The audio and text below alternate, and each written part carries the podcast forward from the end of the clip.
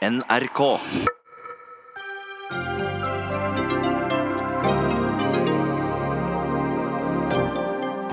Gjør Norge seg avhengig av en ustabil Trump i forsvaret av Norge? Regjeringen sier ja til dobling av antall amerikanske soldater her i landet. SV advarer. Er det en grådighetskultur i toppen av statseide selskaper? Åtte mannlige sjefer dro inn til sammen 100 millioner kroner i fjor. Og den nevnte president Trump han skryter, som alle sikkert har hørt, uhemmet av nattas toppmøte, men er det egentlig bare Kim Jong-un som har grunn til å være fornøyd? Og metoo-oppgjøret i Skuespiller-Norge har kommet skjevt ut, mener regissør. Kvinner fremstilles kun som ofre, sier han, og skuespillerne svarer ham kontant.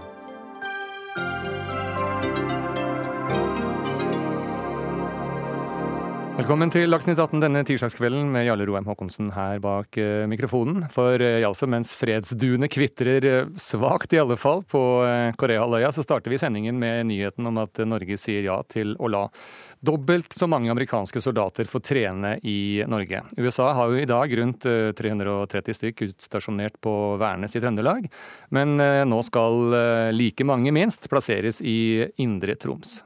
I et eh, lukket møte ble Stortingets eh, utvidede utenriks- og forsvarskomité informert i dag, og de fleste nikket eh, nok fornøyd. Men SVs Audun Lysbakken han sa det å velge å bli mer sikkerhetspolitisk avhengig av USA nå, når landet ledes av en uberegnelig og aggressiv president, er et stort feilgrep. Hvorfor er det det, Audun Lysbakken? Fordi vi ikke vet hvor vår største allierte er på vei. Vi, eh, det er mange, mye som tyder på at de er verdimessig og politisk på vei bort bare fra oss. At det er en mer ustabil eh, stormakt vi har med å gjøre. Men den viktigste grunnen til at vi eh, sier nei til dette, er ikke presidenten, men hensyn til hva som er fornuftig, langsiktig norsk eh, sikkerhetspolitikk. Eh, den norske regjeringen må styre sikkerhetspolitikken vår på en sånn måte at vi bidrar til lavest mulig spenning i nord. Det gjør vi gjennom en tydelig norsk militær tilstedeværelse.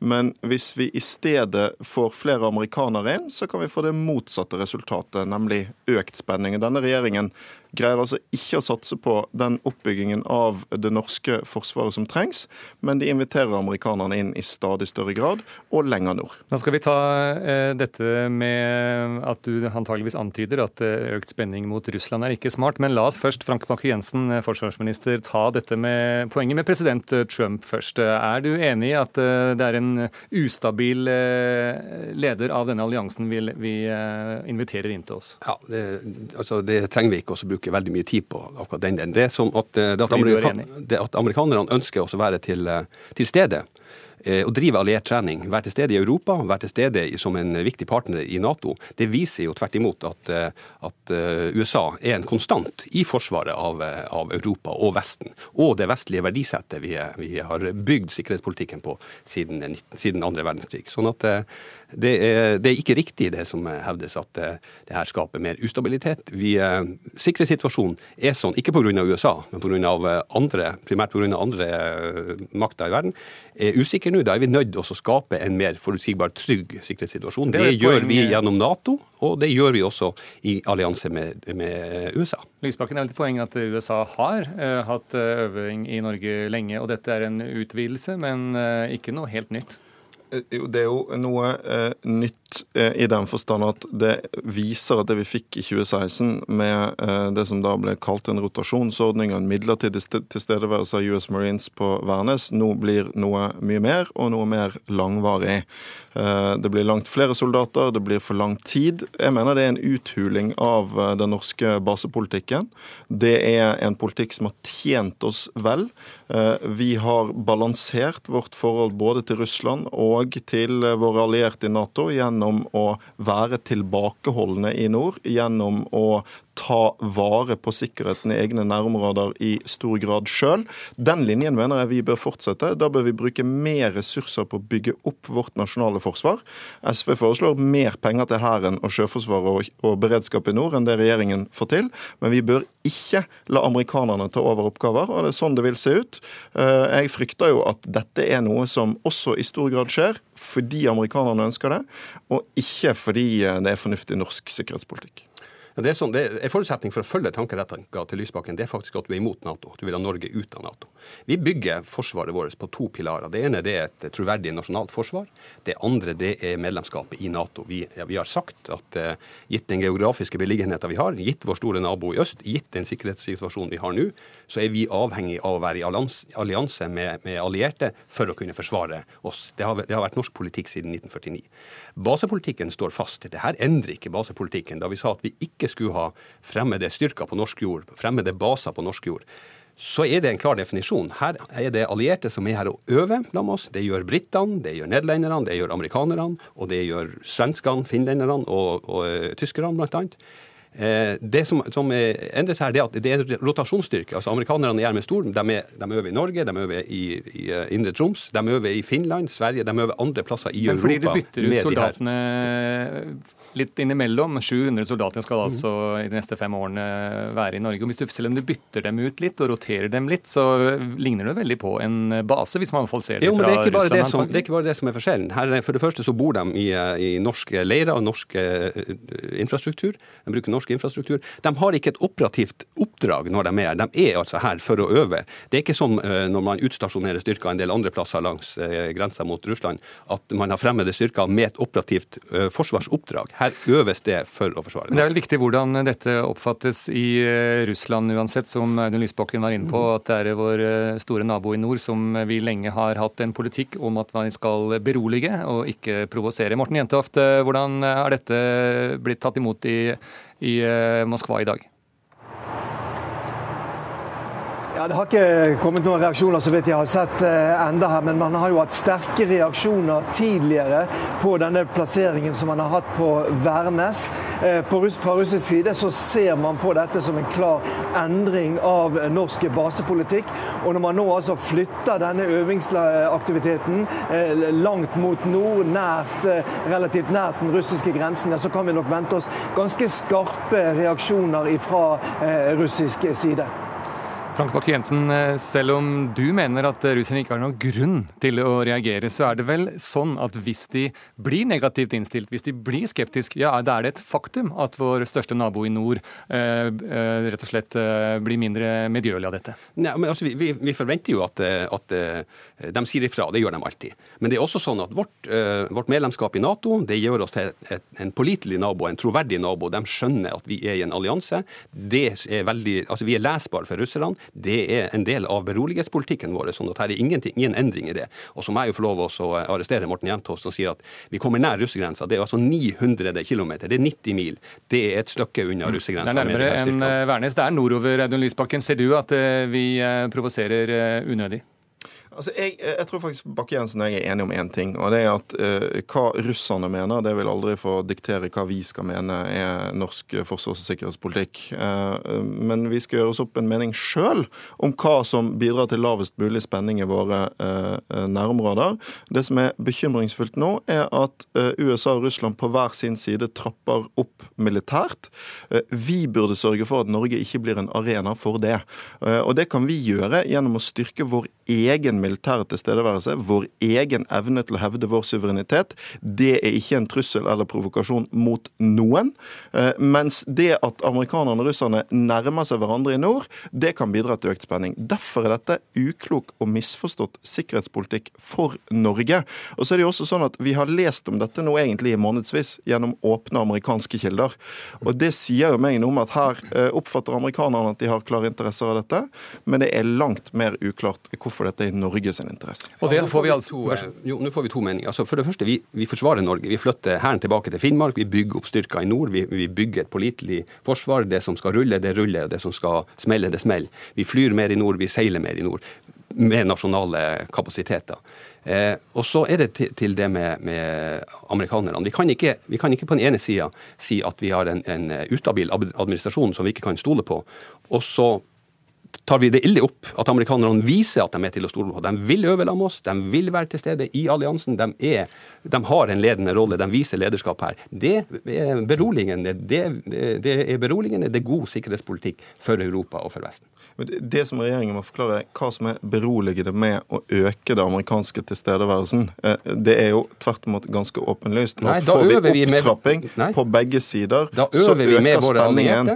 Og, det, og jeg tror Bakke-Jensen gjør klokt i å ta innvendingene på alvor. Jo, fordi at Når du i sted prøvde å gjøre dette til en Nato-debatt, så det er bare å se i norske medier hver dag hvordan folk fra Forsvaret, forskere, mange som er for Nato, likevel er kritiske til dette. Eh, men dessverre så har vi en mangel på åpenhet i norsk eh, forsvars- og sikkerhetspolitisk debatt. Det kan gjøre at vi gjør feil. Amerikanerne har tydeligvis diskutert dette åpent lenge. Vi burde også diskutert dette åpent lenge, for dette er viktige veivalg for Norge. Men det er to debatter, det. Altså det at vi øver med våre allierte, det gir oss pålitelighet. Det, gjør, det gir oss eh, forsvarsevne, og det gir oss avskrekkingsevne. Det er god sikkerhetspolitikk. Så skal vi alltids ta debatten om hvor åpent eh, vi snakker om det her. Men, men det er ikke noe skjult i at vi allierte øver med oss. Det har de gjort helt siden vi ble medlem av Nato, i mye mye større omfang tidligere. Nå gjør de det for at vi, vi og våre styrker skal bli bedre, og at de allierte skal være bedre til å samhandle la med oss. Vel, uansett, etter at eh, Stortinget har sagt sitt eh, og vedtaket er fattet, så ble det en åpen radiodebatt eh, og TV-debatt av dette. Takk skal dere ha, Audun Lysbakken og Frank Bakke-Jensen. Dagsnytt 18 alle hverdager kl 18.00 på NRK P2 og NRK2. We've had a really great term together, a great relationship. and we're both very honored to sign the document. Thank you. 세상은 아마 중대한 변화를 보게 될 것입니다. The world will see a major change. 오늘과 같은 이런 자리를 위해서 노력해 주신 트럼프 대통령께 사의를 표합니다. I would like to express my gratitude to President Trump to make this meeting happen. 감사합니다. Thank you. Thank you very much. Ja, Det var de to eh, herrer etter eh, møtene i natt. Eh, løfter om fred og nedrustning satt løst, men detaljene satt veldig langt inne, om de satt noe sted i det hele tatt. Og Spørsmålet er da i denne Dagsnytt 18-sendingen om hvem det er som har mest grunn til å være fornøyd. Kim Jong-un han fikk altså til et uh, møte med Trump. Han har gått uh, fra paria til uh, partner. Og Anders Magnus i Singapore, betyr det at det er han som er seierherren, egentlig? Ja, utvilsomt. Dette er en kjempestor propagandaseier for Kim Jong-un. Han har på en måte lagt bak seg det rettmessige ryktet han har som en brutal diktator som fengsler over 100 000 politiske opposisjonelle, og som eh, tar livet av sine politiske motstandere, inklusive deler av sin egen familie. Nå har han vist seg som en hyggelig kar, og Trump har løftet ham fram. Trump sier at han stoler på ham, at de har en veldig god kjemi, og at uh, dette skal gå bra. Men det er ingen konkrete løfter som nordkoreanerne har gitt. Dette er helt annerledes enn det Trump krevet i forkant av forhandlingene. Da ville han ha kontrollert eh, atomnedrustning, helst før møtet. Og han ville ha eh, en, hel, eh, en, avtale som definitivt gjorde slutt på at Nord-Korea i det hele tatt skulle ha atomvåpen.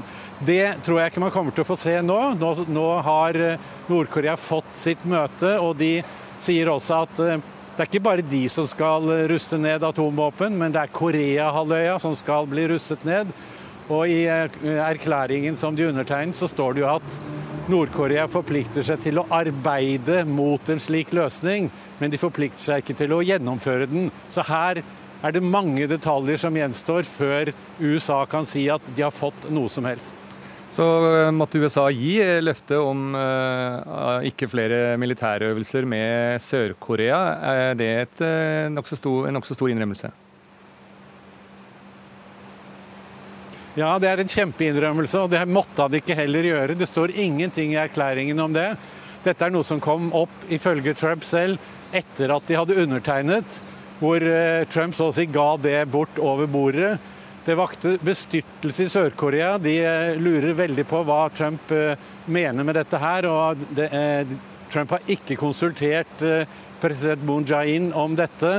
Og heller ikke de amerikanske militære var klar over at eh, noe slikt var på trappene, så de ble også tatt eh, på senga av dette.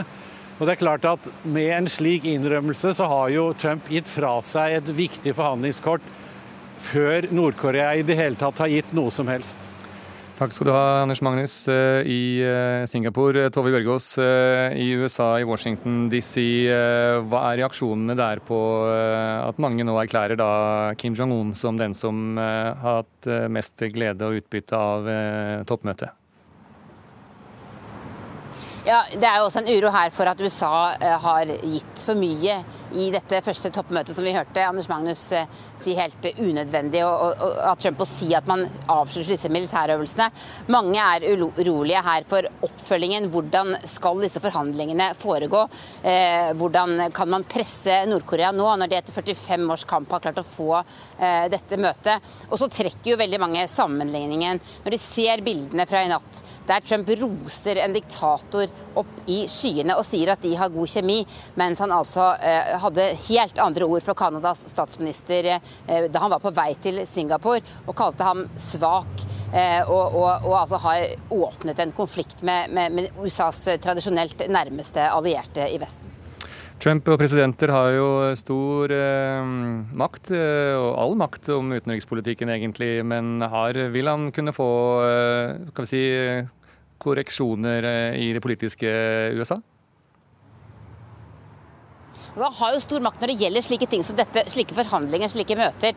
Det er jo presidenten som styrer utenrikspolitikken i dette landet. Eh, han trenger eh, godkjenning av Kongressen for å eh, få finansiering til å starte en langvarig krig. Men dette kan han gjøre på egen hånd. Eh, og vi har jo heller ikke hørt særlig kritikk fra hans eget parti i Kongressen i forkant av dette møtet. Nå hører jeg eh, Bob Corker, senatets eh, republikanske leder i utenrikskomiteen, si at, at USA har, har, gitt for mye her. at at, man, eh, at, at dette er en, et sånn typisk TV-øyeblikk eh, for Trump.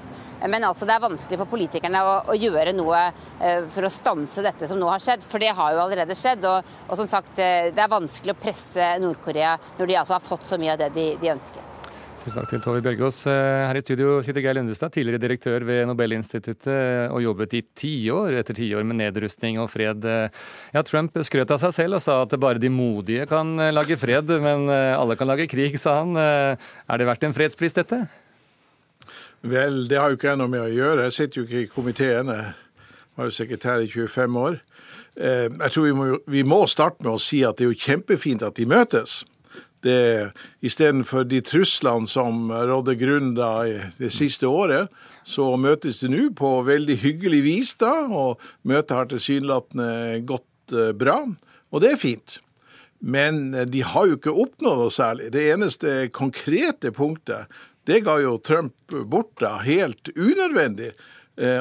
Da han sa at eh, man ville avslutte disse felles militærøvelsene mellom eh, USA og Sør-Korea. Og dette var jo også et overraskende punkt for den sørkoreanske presidenten. Mm. Så jeg tror Og man oppnådde ingenting på det punktet som jo alltid har vært det sentrale for Trump, det er jo at Nord-Korea skal kvitte seg med sine atomvåpen. Hadde denne avtalen blitt inngått med Obama, så tror jeg vi kan ta det for gitt at Trump ville angrepet den ganske skarpt. Fordi den er for uforpliktende? Den er altfor uforpliktende, oppnår veldig lite konkret. Og det lille som er konkret, det er ikke til eh, USAs eh, fordel. Mm. Vi har eh, flere eksperter. Vi har utenriksminister og vi har våpenekspert her. Men la oss bare ta et par internasjonale reaksjoner til. Morten Jentoft, hva sier russerne?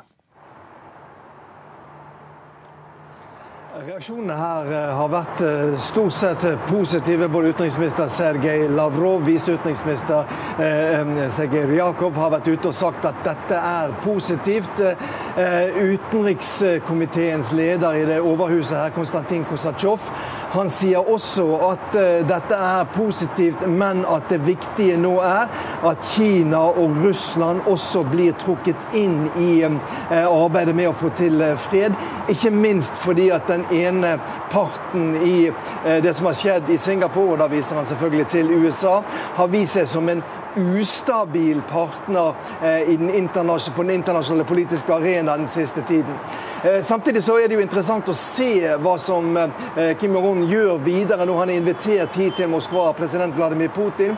Og det er klart at Han ønsker nok sikkert å trekke både Russland og Kina nærmere inn i en mulig fredsprosess her. og Det er jo noe som også russerne selvfølgelig er interessert i.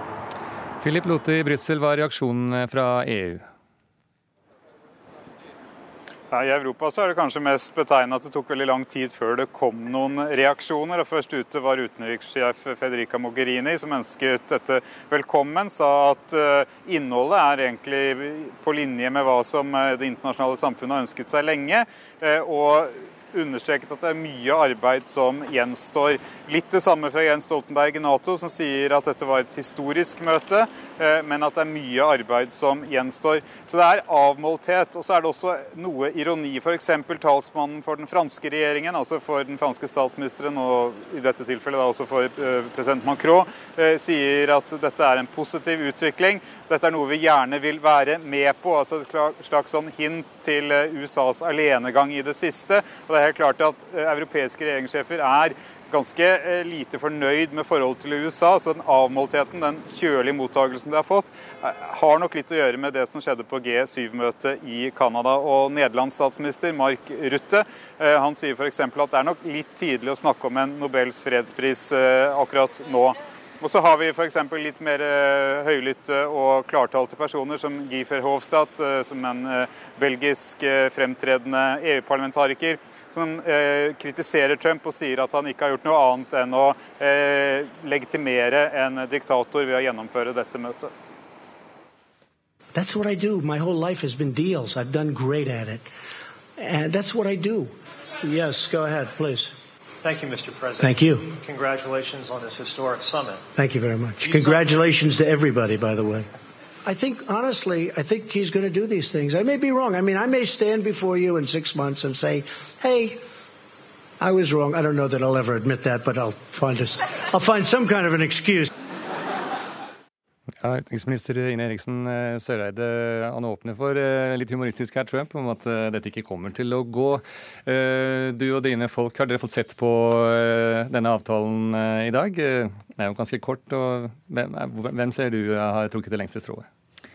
For det første er jeg jo veldig enig i at det er positivt at et møte fant sted, rett og slett fordi de siste månedene har vært prega av en helt annen retorikk som har bidratt til å øke spenningsnivået på Koreahalvøya og globalt. Men det er nå den virkelige jobben begynner, og selve erklæringa i dag sier jo ingenting som ikke har vært sagt før, eh, i den forstand at vi har vært på dette punktet mange ganger tidligere uten at det har blitt fulgt opp. Og som alltid så ligger eh, djevelen i detaljene, og det kommer til å bli en veldig lang og møysommelig prosess, både politisk og etter hvert teknisk, med tanke mm. på nedrustning og verifikasjon. Dette er et enormt arbeid som kommer til å kreve mye ekspertise over veldig lang tid. og her har Norge gått foran med å ta internasjonalt lederskap på spørsmål om verifikasjon, som jo kommer til å bli noe av det mest sentrale.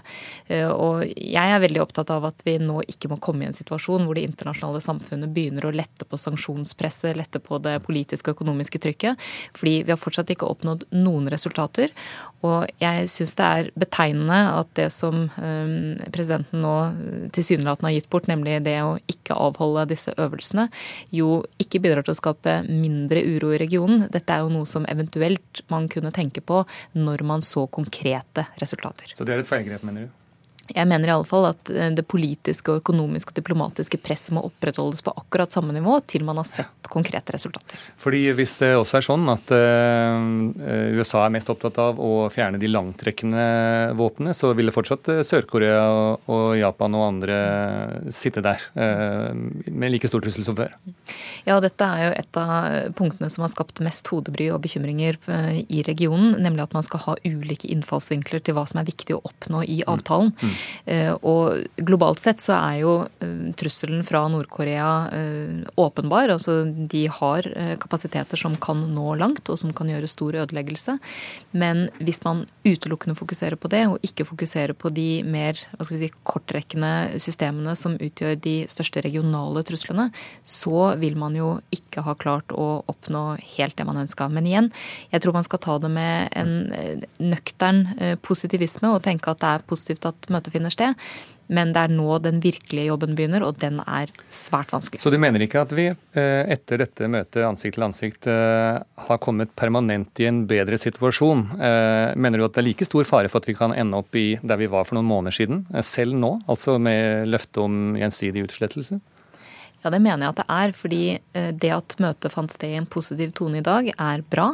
Men det er også ingen garantier for at man går videre verken med forhandlingene eller kommer til resultater.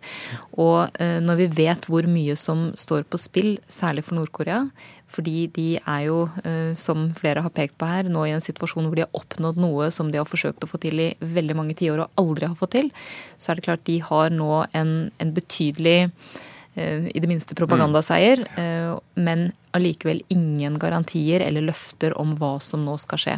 Og jeg bare minner igjennom den teknisk kompliserte sida av det å få til verifiserbar og irreversibel nedrustning, det er noe som eh, det internasjonale samfunnet nå selvfølgelig jobber med, men det er veldig langt igjen til vi har sett de resultatene som kommer til å være nødvendig. Og Da titter du bort på Halvor Kippe, ja. det er det god grunn til, eh, fordi eh, han jobber på Forsvarets forskningsinstitutt og har dette som felt og jobbet med dette i mange år.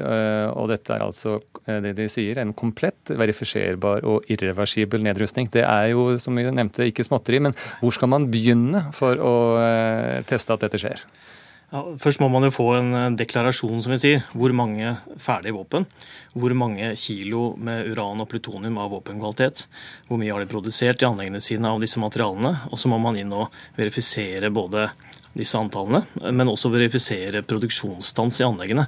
Men den vanskeligste jobben det er å overbevise seg selv og verdenssamfunnet om at eh, deklarasjonen er komplett. Og Det er prinsipielt sett en umulighet, men man må altså ha en grad av tilgang eh, i landet og i de kjente anleggene, men også i de mistenkte anleggene, til at man over lang tid kanskje bygger opp nok tillit til at man kan gå videre og anse landet for å være uten kjernevåpen. Fordi Man starter jo på null. Man har jo ikke vært eh, inne i Nord-Korea på åtte-ni år, slik at der kan man jo ha gravd mye ned i bakken.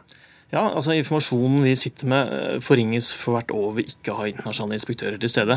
Og de har ikke vært inne siden april 2009. Eh, sånn at de estimatene som på den tiden var ganske brukbare på spesielt plutoniumsiden, de er mye videre i dag. Og på uransiden der er de veldig veldig vide, for vi kjenner bare til ett anlegg. Og det har aldri vært reell verifikasjon i det urananrikningsanlegget som vi kjenner til. Når det gjelder å frata eh, Nord-Korea muligheten til å slå til mot USA, eh, så er det vel lettere å oppnå enn å slå til i regionen? Det er i hvert fall høyst overkommelig å verifisere en, en, en stans i testing av langtrekkende missiler. Det er litt verre å forsikre seg om at det ikke produseres motorer til det, eller skrog til det. Men å verifisere en, en teststans det er ganske overkommelig på missilsiden, men også på, på atomtester er det også høyst overkommelig. Mm. Eh, når det gjelder eh, andre typer våpen, kjemiske og bakteriologiske våpen, så er jo ikke dette, så vidt jeg forstår, eh, med i bildet her. Men hvordan er situasjonen der? Vet vi noe mer om det? Ja, og er, eh, De har jo selv demonstrert at de har VX eh, i Malaysia i fjor. Eh, sånn at Det kan man jo også ta som et signal. Det er jo allment antatt at de har kjemiske våpen. Det er ikke mitt spesialområde. Nei, nei. Det er nok litt dårligere kjent hva de har på den biologiske våpensiden. Mm. Men det er absolutt en bekymring, og jeg har sett flere som har tatt til orde for at man skal inkludere det i disse samtalene. Utenriksminister Søreide, som du var inne på, så har Norge tatt en rolle internasjonalt, særlig dette med å sjekke at løfter holdes mm. på, på dette. Og det er jo ikke noen enkel jobb, det heller? Nei, det er det på ingen måte. Og det også er teknisk krevende arbeid. Og der jobber vi sammen med flere andre land. Og Norge ble nettopp nå utnevnt til å lede en ekspertgruppe i FN som skal jobbe med nettopp å finne gode verifikasjonsmetoder. Ehm, jeg tror det er viktig at vi også har med oss inn i denne diskusjonen at en av årsakene til at dette møtet har vært viktig for eh, Kim Jong-un akkurat nå, er nok også sannsynligvis at de har nå kommet så langt i produksjonen og utviklinga av kjernevåpen at de er ferdig med mye av testinga og ikke minst, eh, på den måten da kan man si at det å, å, få til stans i testing er en liten pris å betale, fordi at eh, det er så godt utvikla. Og det andre er selvfølgelig at han nå har en helt annen posisjon, en helt annen styrke inn i forhandlinger enn, enn det han hadde tidligere, fordi han rår over en mye mer reell trussel nå, som er betydelig utvikla bare de siste par åra. Og Når det gjelder eh, dette løftet om nedrustning på Koreahalvøya, så gjelder jo det da begge land, også sør Sør-Korea. Og det kan vel også være en viktig del for, for Nord-Korea, at dette, er, dette gjelder begge land? Ja, og det har jo vært en del av det Nord-Korea alltid har krevd i den type runder man har hatt tidligere også. USA trakk ut sine taktiske kjernevåpen fra Sør-Korea i 1991, da de trakk tilbake ganske mange ulike taktiske kjernevåpen rundt omkring i verden. Men det er jo ikke noe heller Nord-Korea kan ta for god fisk, så de ønsker jo gjensidige inspeksjoner i Sør-Korea. Mm. Men når det gjelder inspeksjoner i eh, Nord-Korea, IAEA, altså Det internasjonale atomenergibyrået, er det grunn til å, for nordkoreanerne til å være litt eh, paranoide, litt skeptiske mot det? Ja, Det kommer jo an på hva de har for eh, hensikt med å slippe dem inn. Hvis mm. hensikten er å vise alle kortene, så, så, forandrer jo det litt på situasjonen. Hvis de sånn som på tidlig 90-tallet motvillig trekkes inn i ikke-spredningsregimet og internasjonale inspeksjoner, de ble presset til det av stormaktene på den tiden, så um, ville jeg ikke vært like optimistisk. Mm. Når det gjelder eh, dette, hvis du skal sammenligne atomarsenalet, atomslagkraften Nord-Korea har, hvis du må gjette da, det er det vi har vært inne på her, eh, sammenlignet med et land eh, eller en annen atommakt, og så hvor sterke er de? Eh, hvis man eh, sammenligner antall atomtester, så kan du sammenligne med India og Pakistan. De har altså oppnådd en betydelig sprengkraft i den forrige testen. Og de nyeste, beste estimatene vi har, er at den var på rundt 200 kilotonn, altså ti ganger kraftigere enn Nagasaki-bomben. Og Det er formidabelt, og det er godt nok for å kunne måle seg med, med arsenalene til stormaktene kvalitativt, altså våpen for våpen. Men de har altså langt igjen når det gjelder å demonstrere at disse våpnene tåler å avfyres fra mange tusen kilometers avstand og overleve møtet med atmosfæren og gå av i riktig høyde, og med den presisjonen som er nødvendig.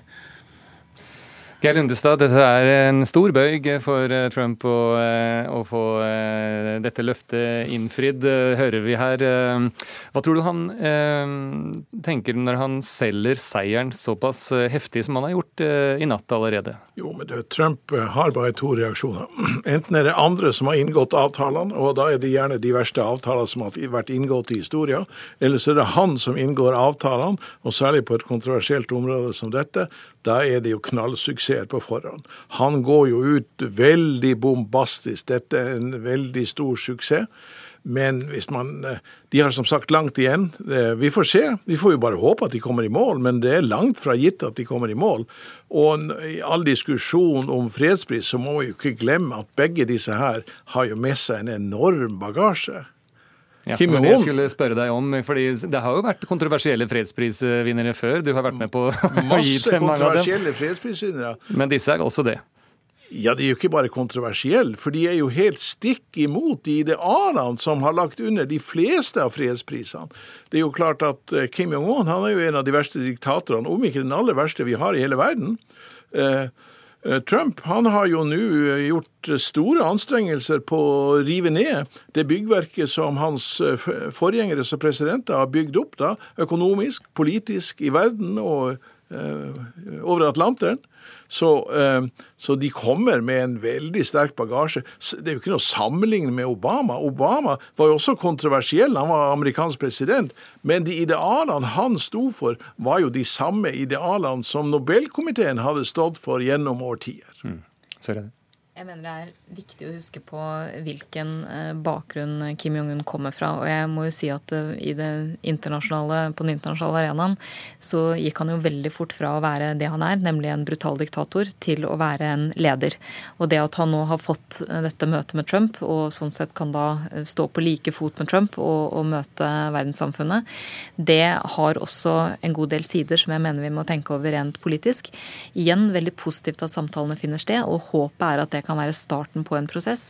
Men det er også en av årsakene til at vi ikke må lette på sanksjonene og presset, som eh, også er viktig for å bidra til at dette, til bidra til at dette blir realiteter og ikke bare en avtale. Men ja, han går fra paria til partner. Men uh, folk som snakker om eh, Nord-Korea, eksperter som vi hadde i Dagsnytt 18 her i går, det sier at den, det har jo ikke lyttet nyttet å ikke lytte i alle disse årene med Nord-Korea.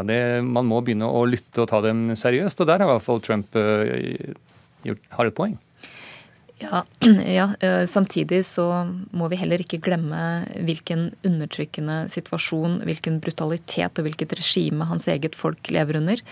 Eh, der bruk av angiveri, utsulting, eh, brutal tortur er helt dagligdags. Så mitt poeng er bare at det er også en side av dette vi må huske. Samtidig som vi kan vise en, en nøktern optimisme for at det nå faktisk skjer samtaler som vi håper resulterer i noe mer enn bare fine TV-øyeblikk. Og Heller ikke Trump fortjener på langt nær noen fredspris, sier Lundestad her. Hva sier du? Jeg har ikke noe med hvem som får fredsprisen. Men dere har ikke det? Nei. Men uh, vi skal til slutt uh, bare slå fast at uh, dette møtet altså var starten på en prosess. Og det som kan komme ut av det videre, iallfall Lundestad, er at man går videre i dialog og dialog. Og Obama, som du nevnte, fikk jo også prisen for det å ha startet noe og satt i gang noe. Ja da, men hans grunnholdning var jo en helt annen. Om, eh, vi skal ikke ta det for gitt på noen som helst måte at USA og Nord-Korea kommer til å bli enige. Det er klart det amerikanske målet når det gjelder atomvåpen i Nord-Korea, det er veldig ambisiøst. Jeg må jo si at jeg vil bli storligen overraska om de får eh, det målet innfridd fra eh, Nord-Korea. Mm. Så selv om man pakker det inn i en regional kontekst, så tror jeg det blir vanskelig. Og det gjenstår jo å se hva den regionale konteksten er. da. Mm. Frode Kippe til slutt. Eh, er det nok eh, folk eh, til å, i det internasjonale kontrollapparatet til å ta en så enorm jobb nå? Ja, det, er, vanskelig å si, men det finnes jo både eksperter i Det internasjonale atomenergibyrået som kan mye om å veie og måle spaltbare materialer, men du må også ha igjen folk fra kjernevåpenkompleksene i stormaktene som har faktisk lov til å se disse våpnene på innsiden, og som vet hvordan de fungerer og sånn.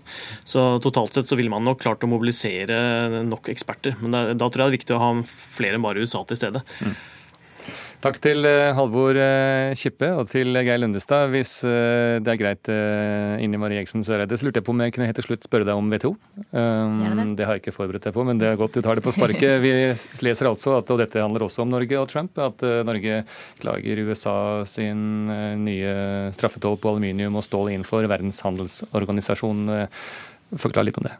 Det vi gjør er at vi ber om såkalte tvisteløsningskonsultasjoner. Det har også EU, Kina, India, Canada, Mexico og andre gjort. Det er eh, en mulighet til å bruke WTO-systemet på en god måte til å markere vår uenighet i innføringa av eh, de ekstra tollene. Vi mener jo at de er i strid med regelverket, og da bruker vi de mekanismene regelverket har for å si fra om det. Det kan bety at neste fase er en såkalt panelsak. Eh, det må vi i så fall komme tilbake til, men vi har i alle fall igangsatt prosessen og varsla eh, WTO om det i dag. Og det gjør vi fordi Norge er en eh, liten, åpen økonomi som er helt avhengig av felles kjøreregler på handelsområdet, og det er det som har tjent oss veldig godt i over 70 år. Mm. Og når det forsøksvis undergraves, så mener vi at det er viktig at vi som forsvarere av systemet, og som ønsker å videreutvikle systemet, faktisk også eh, står opp for det gjennom å bruke de eh, mekanismene som er. Så er jo ikke vår eksport av stål og aluminium veldig stor til USA, det er bare ca. 0,2% Det er underordna i denne sammenhengen, fordi vi mener det USA nå gjør, bidrar til å undergrave hele den internasjonale handelsarkitekturen. Men Trump sier at de blir tatt og utnyttet av alle handelspartnere. Eh, har han ingen poeng der i det internasjonale bildet? Vel, akkurat når det gjelder Norge, så har jo USA handelsoverskudd. Eh, og vi mener jo at de reglene som er der, må følges av både store og små økonomier. Man kan jo enkelt se at det lettest rammer de små økonomiene eh, og de åpne økonomiene mest i det korte perspektivet. Men alle taper på sikt på at man bygger opp tollmurer og barrierer. Det er jo handel som er et av de viktigste virkemidlene for vekst og velstand i alle land. Og derfor så forsvarer vi WTO-systemet, og derfor så sier vi også klart klart ifra når vi er uenig med USA og andre. Og vi er jo ikke aleine om denne kritikken. Den fremfører vi sammen med mange andre. Og hvis vi nå sier summa summarum eh, Korea og eh, handel, så er ikke UD så veldig fan av Trump om dagen? Det har ikke noe med å være fan av noen å gjøre. Det har med å ivareta norske interesser å gjøre. Og det gjør vi på den måten vi mener er riktig og god. Og det handler jo også om å ivareta de globale fellesinteressene, som jo f.eks. er representert ved felles kjøreregler for handel. Tusen takk også til Ine Eriksen Søreide. Hør Dagsnytt 18 når du vil. Radio NRK Radio.nrk.no.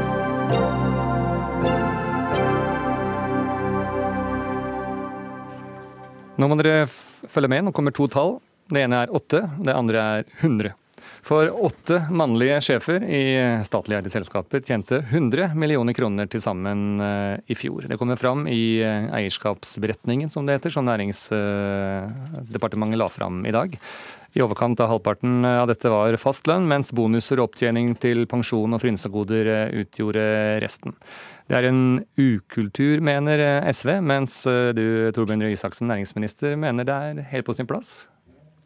Nei, Først og fremst så mener jeg at det er helt på sin plass at det er styrene i selskapene som bestemmer dette, og ikke politikere. For øvrig så kom det jo veldig mye annet fram også i det vi la fram i dag. Bl.a. at dette er selskaper som bidrar med masse penger. Det er jo vi, det norske folk, som eier dem delvis. Og de bidrar med veldig mye penger inn i statskassa.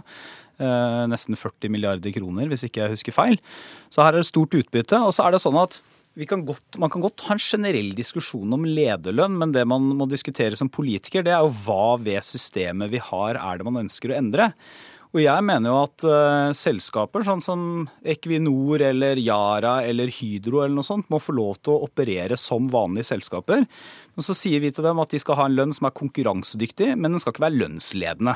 Og så forventer vi moderasjon. Men å ha en type ordning hvor politikerne skal gå inn og detaljstyre lønna eller bestemme hva styrene skal si at en lønn skal være, uten å kjenne alle omstendighetene, det er jo i praksis bare å selte et selskap under politisk administrasjon. Ja, Det er litt forskjell på detaljstyre og signalisere, det kan komme tilbake til. Men velkommen tilbake i studio, Audun Lysbakken. Du mener eh, og sier i dag at dette er en ukultur begrunnet?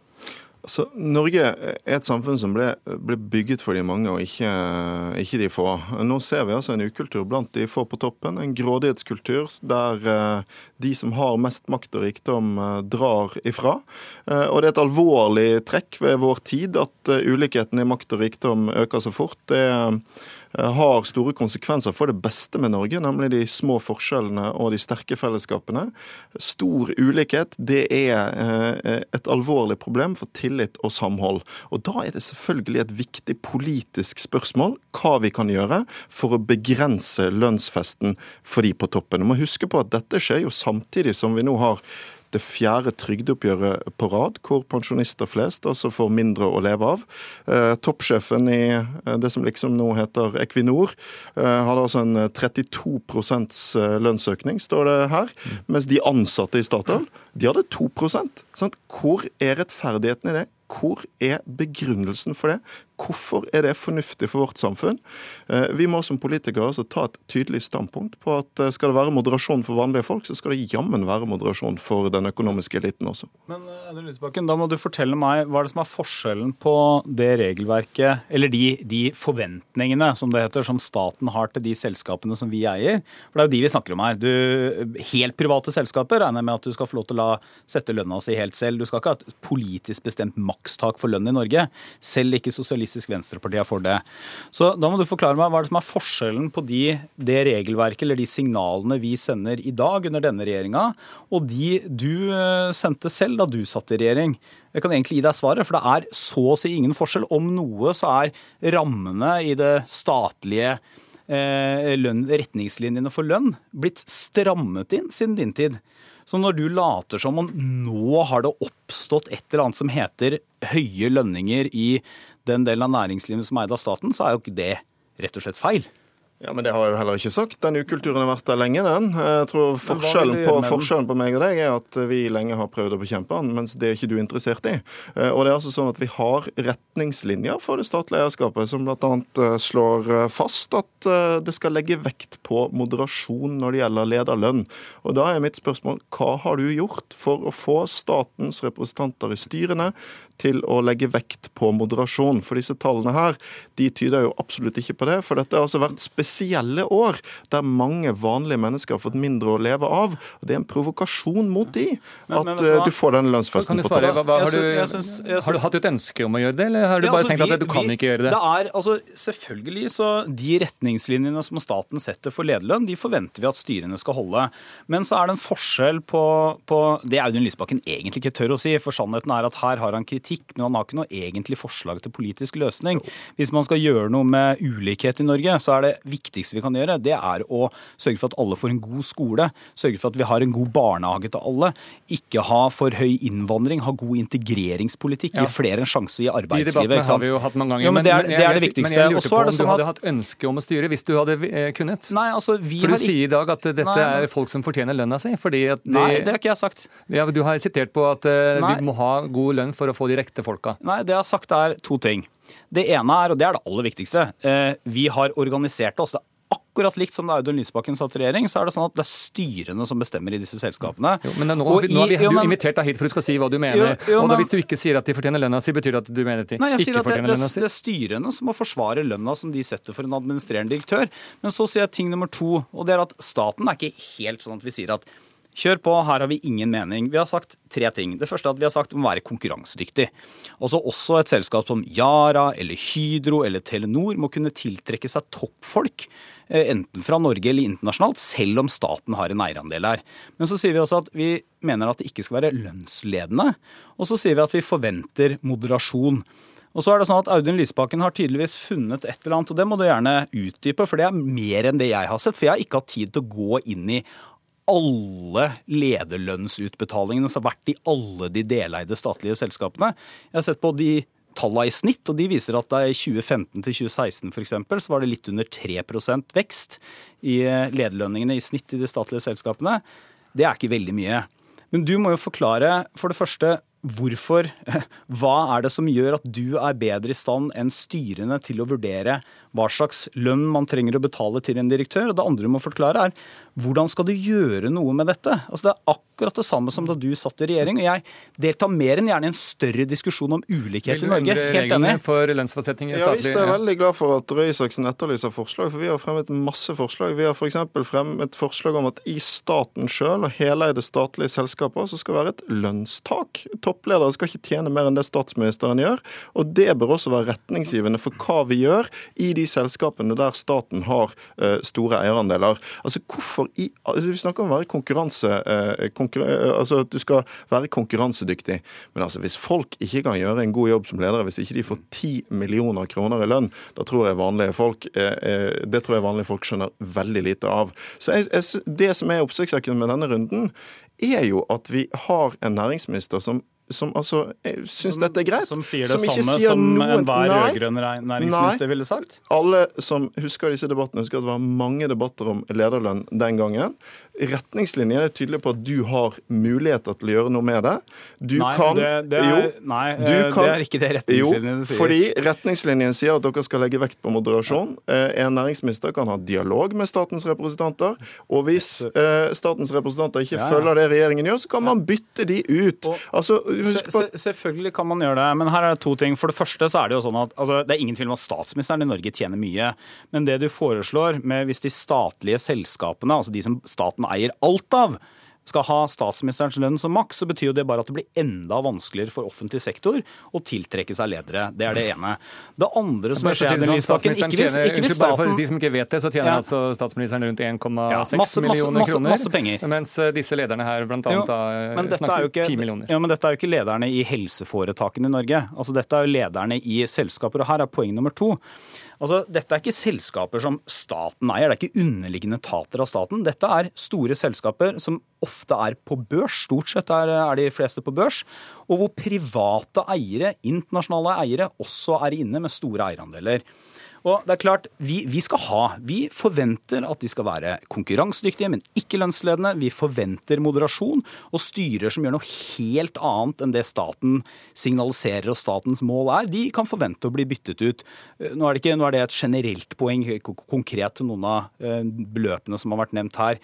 Men det første som ville skjedd hvis vi skulle gått den veien som Lysbakken mener i opposisjon, som han ikke vil gjøre i regjering, og nemlig gå inn og forsøke å detaljstyre hva styrene i store internasjonale selskaper mm. vil gjøre det er jo at alle de private investorene der vil bli livredde og begynne å trekke ut pengene sine. Eh, du vil gjøre det vanskeligere å få folk til å investere penger i viktige norske virksomheter. Du vil gjøre at bedriftene på sikt blir trua. Det betyr ikke at vi ikke kan ha en diskusjon om forskjeller eller lønnsnivå eller topplederlønn. Men når du skal gå inn og detaljstyre det som er store internasjonale selskaper, hvor staten eier kanskje 40 eller 50% men private eier resten, så er det klart at det blir ikke det er ikke sånn at resten av verden som eh, investerer, bare møter det med et skuldertrekk, for å si det forsiktig. Men, en av de store samfunnssykdommene i vår tid er den eh, raskt økende ulikheten i makt og rikdom. Og hvis politikernes svar på det ikke skal være å ta et kraftfullt oppgjør med den ukulturen vi ser blant de som har mest, men i stedet for å begynne å snakke om hvor vanskelig det vil være å rekruttere ledere til helseforetak og annet hvis de må nøye seg med én 1,6 millioner kroner i lønn. Hvor i all verden ta er vi da? Ta dette poenget med de internasjonale byrå, eh, store selskapene som er på børs. Eh, Hvis eh, den norske minoritetseieren begynner å sette krav til avlønning av administrerende direktør, det er Ja, vel et poeng det- han har, at det vil skape det, det er jo mye vanskeligere å styre sånne ting uh, der. Uh, staten bare minoritetseier, selvfølgelig. Det betyr ikke at ikke staten kan ha et tydelig syn. Det er jo en av mange grunner til at uh, den børsnoteringen som mange partier var eh, opptatt av, f.eks. av Statoil, ikke er fornuftig. Men her handler altså om noen verdivalg. Det er sånn at eh, næringsministeren altså ikke har noe problem med denne utviklingen. Må huske på at dette skjer samtidig som regjeringen har bedt vanlige arbeidere om å vise moderasjon. Det skjer samtidig som pensjonistene får beskjed om at de må bare finne seg i at pensjonister flest får mindre å leve av. Og så skal folk altså få høre at for de på toppen gjelder helt andre regler. Hvis de skal arbeide mer, så får de, må de få mer og mer og mer og mer. Jeg godtar ikke det. Et sånt samfunn kan vi ikke ha. Norge er ikke bygd sånn. Men dette her, dette sier du kun fordi du sitter i opposisjon. Da du satt i regjering, så gjorde dere noe helt annet. Hvorfor gjorde den rød-grønne regjeringa omtrent det samme som Fordi eh, Arbeiderpartiet det, var størst i den som det regjeringa ja, altså, Dere fikk ikke gjennomslag på mange ting, det er noe greit, men omtrent det samme som regjeringa gjør nå. Om noe så er regelverket vårt, eller retningslinjene i dag, strammere enn de var i deres tid. Hvorfor det?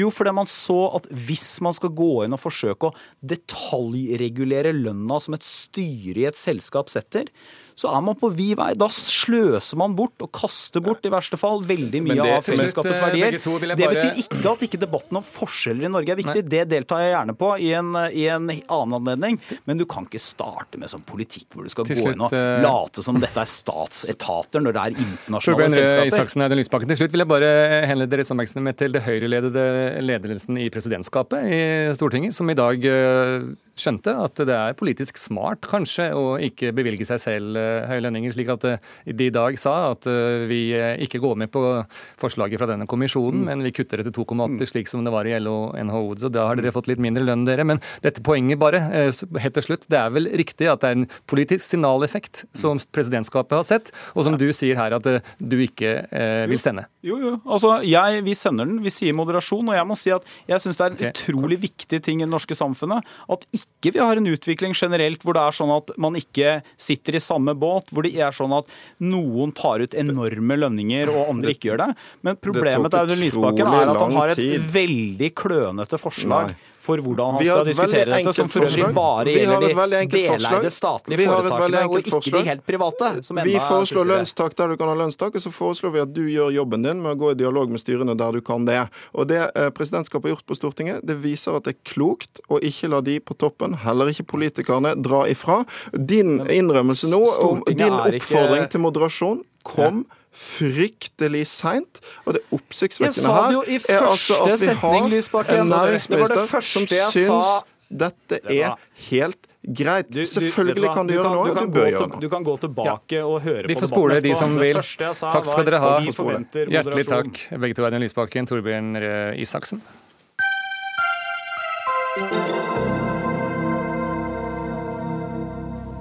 Da skal det bli eh, likestilling for og metoo eh, på tampen her, fordi eh, i en kronikk i Samtiden og Aftenposten så kritiserer forfatter eh, og regissør eh, og filmregissør Øystein Stene skandinavisk feminisme, som han sier, og skriver at den har blitt eh, reaksjonær. Han trekker spesielt fram metoo og den eh, som kalles for hashtag stille for opptak.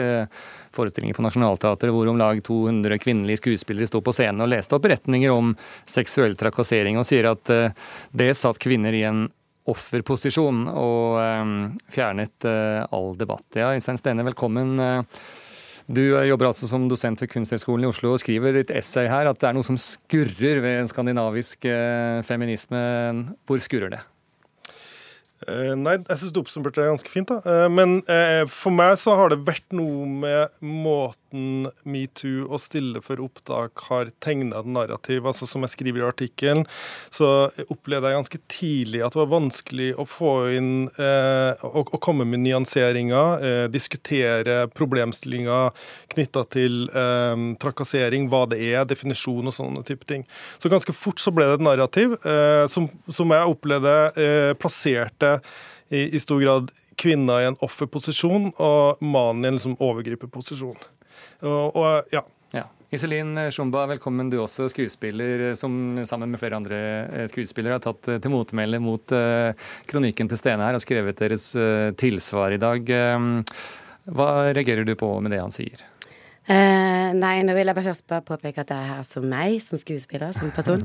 Og så tenker jeg at uh, først og fremst det er en ekstrem forskjell uh, på det på måte, det som jeg føler at du sier, som er, det er en slags passiv offerrolle, kontra det å påpeke at man tilhører en gruppe som er offer for en struktur som er skadelig. Det er en, det er en enorm vesensforskjell. Og jeg tenker de nyansene de, det er, Dette er jo nyansene. De begynner nå.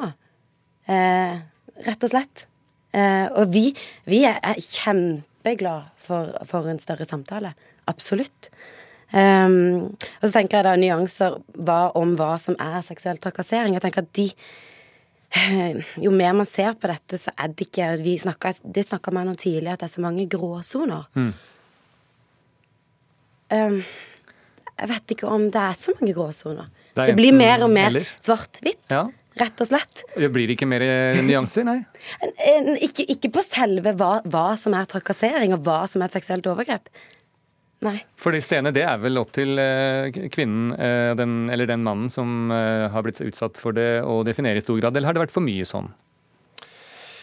Um, jeg tror ikke liksom det OK, det kan godt være at du skal diskutere det, det ikke, liksom, men det er ikke noe poeng for meg. Poenget for meg er vel bare at liksom Noen eksempler.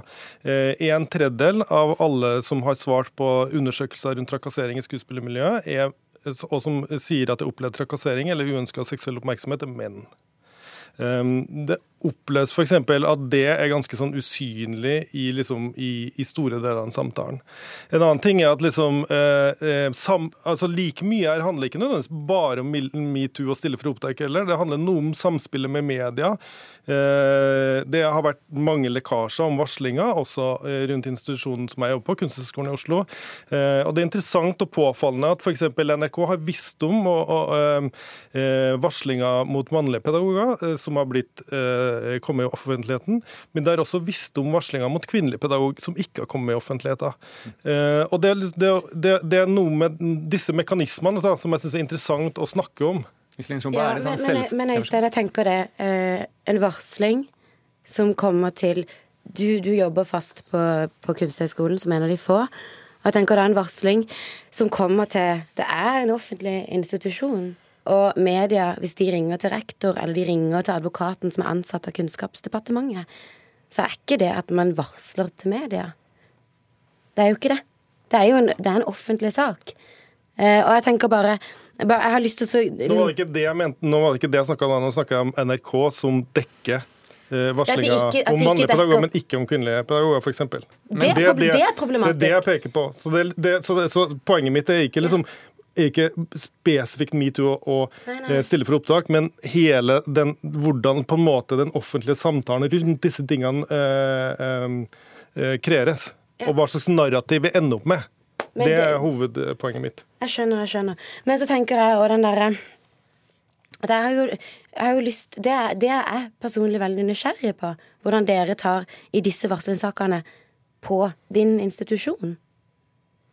Vi, vi, som står utenfor det, det, er ikke mitt ansvar. Vi som står utenfor har sett at eh, partiene sliter med hvordan de skal komme videre i sin eh, metoo-kamp. Men eh, helt til slutt så kan jeg vel bare kunne slå fast, jeg hører på dere, at også skuespillerverdenen har litt å komme litt tid på seg til å mm, diskutere dette videre.